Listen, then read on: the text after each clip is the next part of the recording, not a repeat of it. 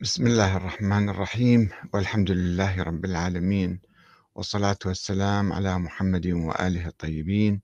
ثم السلام عليكم أيها الأخوة الكرام ورحمة الله وبركاته. التقليد الأعمى سمة من سمات الأمم الجاهلة المتخلفة والتي تشابه بعض الحيوانات كالخراف والقرود. وقد جاء الإسلام في الحقيقة لكي يرفع الإنسان من هذه الحالة ويحرر عقله يحرر الإنسان والمجتمعات من هذه الحالة الحيوانية المنحطة المتخلفة ويرفع عقله إلى الأعلى ويطالبه بالتفكير بصورة مستقلة. آه، تعرفون من أبرز الحيوانات التي تمارس عادة التقليد الأعمى هي الخراف أجلكم الله والقرود. الخراف تسير وراء الخروف الرئيسي الكبير اللي عندهم شيخ القبيلة يعني وإذا ألقى بنفسه من آه، من علوم معين من جبل مثلا فشوف القطيع كله يذب نفسه وراء أيضا يسقط. وهذا حادثة دائما ما تتكرر في العالم. وأما القرود فمعروفين بتقليد الإنسان ويعني عقلهم قاصر يعني يقومون بأعمال لا يعرفون مثلا ما هو سببها. وهناك نظرية معروفة اسمها نظرية القرود الخمسة. يعني مجموعة من الباحثين وضعوا خمسة قرود في قفص وعلقوا في مكان مرتفع منه موزة يتم الوصول إليها عبر سلم. وكانوا كلما تسلق قرد السلم ليصل إلى الموزة يرشون بقية القرود الأربعة بماء مثلج بارد. ولا يتعرضون للقرد الذي سعى إلى الموزة بشيء. وبعدما تكررت محاولات الوصول إلى الموزة من قبل القرود الخمسة مع تكرار العقاب بالماء المثلج بدأت القرود تنهال بالضرب على كل من يحاول صعود السلم وأخذ الموزة. أخرج العلماء أحد القرود الخمسة وأدخلوا مكانه قردا جديدا. حاول صعود السلم فضربه القرود الأربعة. ما يعرف ليش هو أساسا. حتى اعتاد عدم السعي إلى الموزة بس كل ما يصعد يأخذ الموزة ما يعرف ليش يعني وذول يضربوه.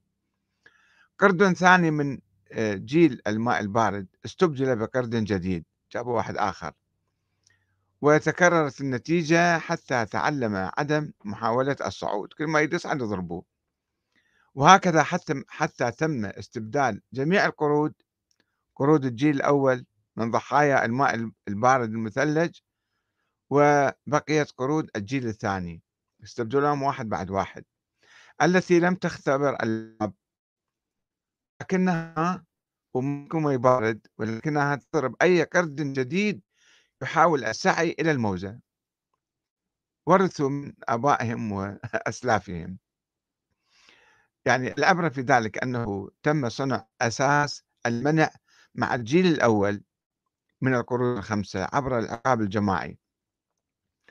والعبرة الأهم أن الجيل الثاني تبنى ضرب أي قرد يسعى إلى الموزة مع أنه هذا الجيل الثاني لم يختبر العقاب بالماء المثلج بل ورث قناعة ضرب من يقترب من السلم بس يعرفوا أي واحد يقترب من السلم يضربوه. ليش ما يدرون بعد؟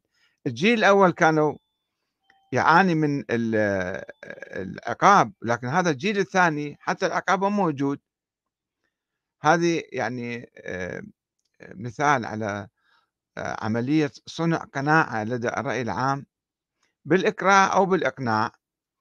آه، يعني في البداية يعاقبون الجيل الأول أو الفئة الأولى ولكن بقية الناس يسيرون وراء هؤلاء من دون تفكير من دون جعل دون فأنه لا يدرون هكذا قال الأولون. فالقرآن الكريم في الحقيقة من أهم الأشياء التي جاء بها الإسلام أنه تحرير وهذا قبل 1400 سنة.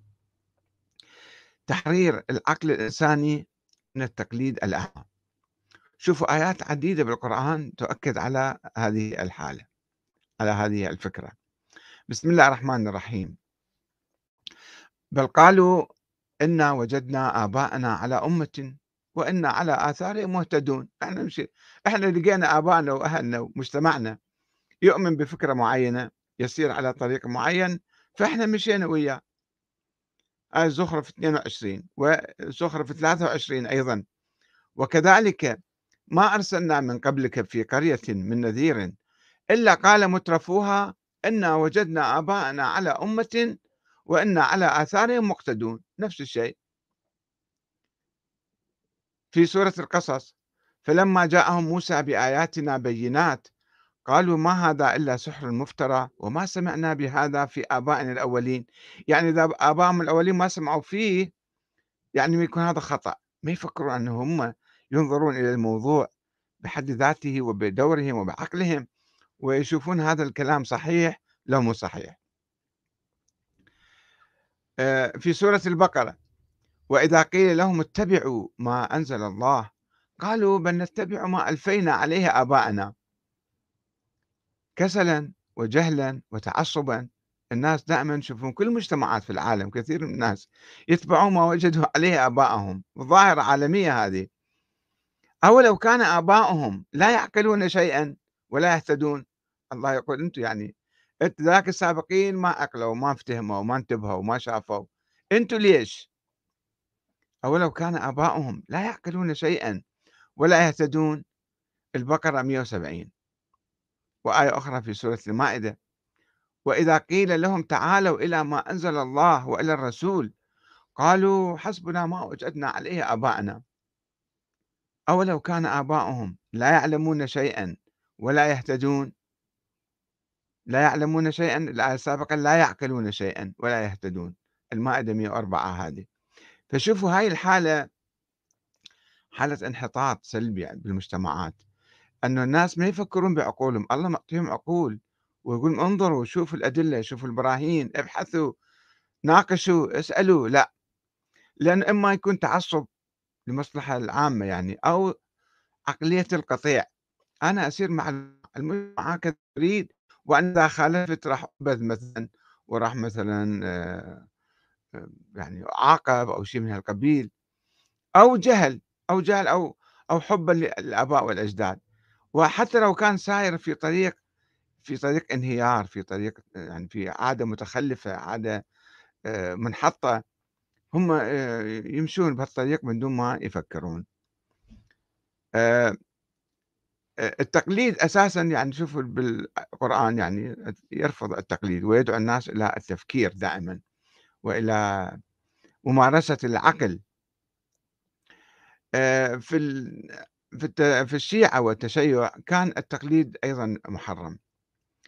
آه، يعني كان هو اتباع الأئمة من أهل البيت بالذات عند الإمامية كان يتبعون الأئمة باعتبارهم هم رواة أحاديث النبي أقرب الناس ولكن بعد ذلك وكانوا يرفضون الاجتهاد. في القرن الرابع الهجري كان الاجتهاد محرم ولكن بعد محاولات آه، عديدة من مشايخ الطائفة الاثنى عشرية التي تكونت في القرن الرابع علماء الطائفة كالشيخ المفيد والشيخ الطوسي هؤلاء هم أبرز يعني العلماء فتحوا باب الاجتهاد.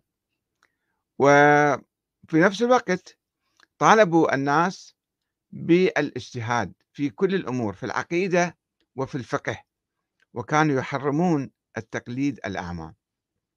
التقليد وصرحوا بذلك. قالوا التقليد قبيح ومذموم وغير مبرئ للذمه الشيخ المفيد اللي توفى سنة 413 نقل كلام عن الإمام الصادق عليه السلام يقول إياكم والتقليد فإن من قلد في دينه هلك.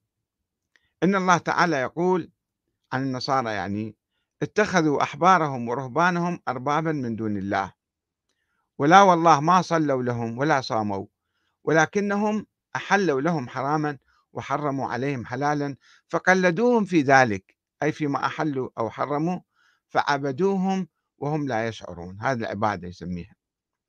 أنه يتخذون الأحبار والرهبان أربابا من دون الله. هذا الحديث ينقل الشيخ المفيد في كتاب الاعتقاد آآ صفحة 73 ينقل عن الكافي في الجزء الأول، في الشيخ المفيد ينقله في تصحيح الاعتقاد. عن الشيخ الطوس الشيخ الصدوق، وكذلك تلميذه آآ الشيخ الطوسي أيضًا يقول: "التقليد إن أُريد به قبول قول الغير من غير حجة وهو حقيقة التقليد." هذا معنى التقليد، أن تأخذ قول واحد آخر إنسان آخر من غير حجة من غير دليل، يقول: "فذلك قبيح في العقول، لأن فيه إقدامًا على ما لا يؤمن، كون ما يعتقده عند التقليد جهلًا لتعريه من الدليل." يمكن ذاك الثاني جاهل، الثاني الآخر أنا دا أقلده مشتبه، متبع هواه، آآ يعني من منحرف، يجيب لي فد فكرة أنا أغتر بظاهره وأجي أقلده على أي أساس؟ والإقدام على ذلك قبيح على العقول، ولأنه ليس في العقول تقليد الموحد أولى من تقليد الملحد، الملحد مثلًا ينشأ أيضًا في بيئة الحادية آباء أبوه وأمه ملحدين، والمجتمع الحادي مثلًا هو يقلدهم، فإذا جاز التقليد آآ هذا تقليدنا نحن فذاك إذًا تقليدهم جائز، وما دام ذولاك ندعوهم إلى التفكير والبحث والتحقيق والاجتهاد، فكذلك نحن قد نكون على خطأ، آبائنا وأمهاتنا وأجدادنا ومجتمعنا قد يكون على خطأ وعلى انحراف، فلا يجوز أن نقلدهم. وبلا تشبيه عن الحيوانات أجلكم الله القرود أو الخراف، إحنا عندنا بعض الأفكار ورثناها من آبائنا وأجدادنا، ليس الشيعة فقط، عامة المسلمين وعامة الناس يعني، ولكن أنا أتحدث عن الشيعة لأنه بعض الأفكار ورثناها ما ندري هذه ليش وشنو معناتها وشنو فائدتها ووين تؤدي بينا، قد تضرنا وتأذينا الآن وإحنا متمسكين فيها على أساس أن هذه أفكار صحيحة لأنه آبائنا وأجدادنا قالوا أن هذا صحيحة. وبالحقيقة هناك مقولتان دمرتا الشيعة وخدرتهم وعزلتهم عن الأمة الإسلامية. أولا نظرية الإمامة. نظرية الإمامة الإلهية أن الله عين أئمة يحكمون الناس وما يجوز إحنا ننتخب الأئمة ونسوي نظام ديمقراطي أو نسوي شورى. لا الأئمة لازم مثل الله ما بعث لنا أنبياء لازم يبعث لنا أئمة. طيب هذه النظرية كانت قبل 1300 سنة 1400 سنة. بعض الناس قالوا بها وكان يوجد سلالة من الأئمة في تلك القرون الأولى. ثم انقطعت هذه السلالة والنظرية انقطعت وبعد ما عندنا أئمة. ف إحنا استمرينا نقول إي يجب على الله ونبحث ودائما يجون بعض العلماء أو المشايخ يبحثون ويناقشون ويجيبون أدلة ويأكدون على ضرورة أن الله يبعث أئمة. وهذا لطف من الله وما يصير الله ما يلطف بينا. الله تلطف بالسابقين. جاب لهم أنبياء وجاب لهم أئمة وإحنا ما يجيب لنا لا لازم يكون عندنا.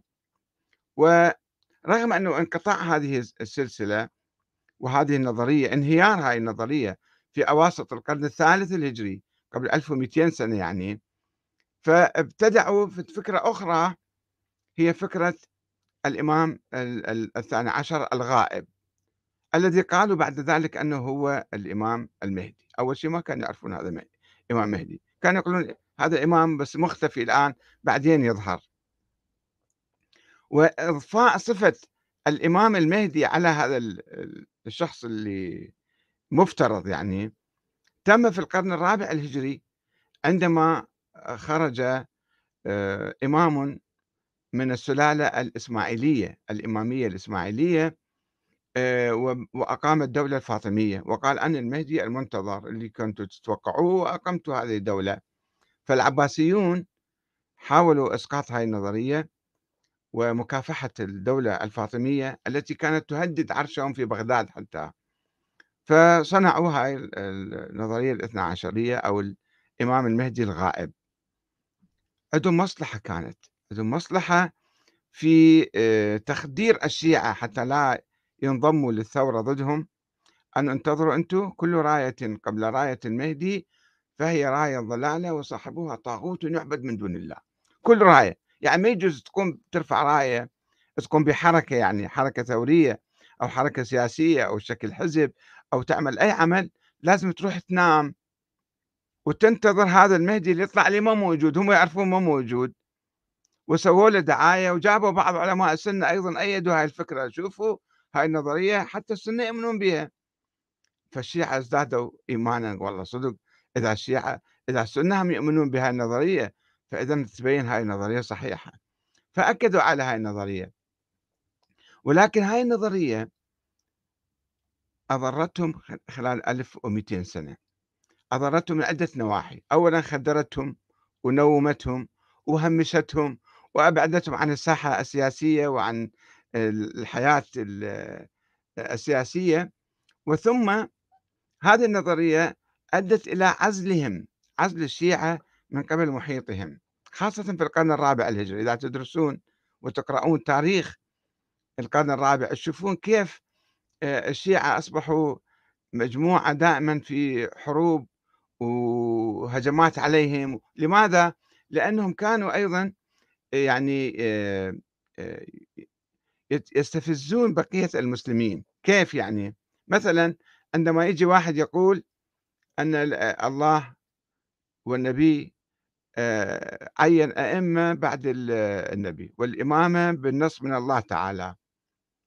فيجي سؤال طيب إذا كان الأمر كذلك فلماذا الصحابة ما عرفوا الإمام علي؟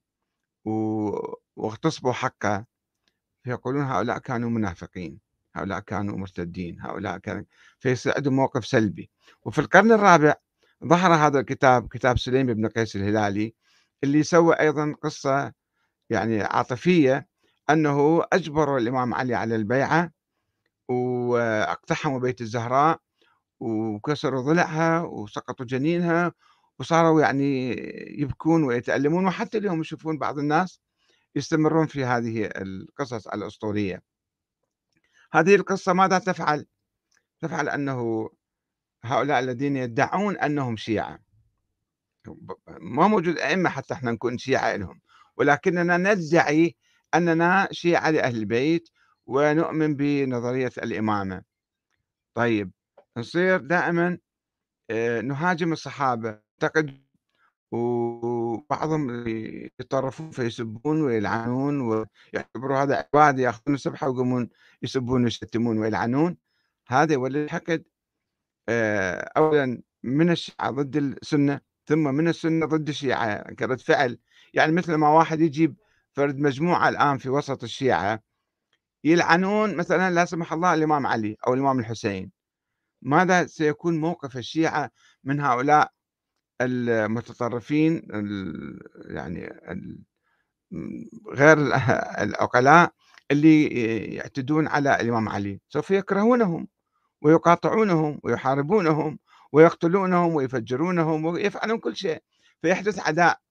فأنت إذا عايش في وسط إسلامي يؤمن بناء على آيات قرآنية وعلى أحاديث نبوية وقصص تاريخية أن الصحابة هم الذين نصروا الإسلام هم الذين نشروا الإسلام هم الذين نقلوا إلينا القرآن نقلوا إلينا كل شيء. هؤلاء كانوا منافقين كانوا فاسقين كانوا آه، بلا قلب كانوا مثلا مرتدين هذا يولد عند المسلم الآخر حالة من الكراهية لما يسمى بالشيعة.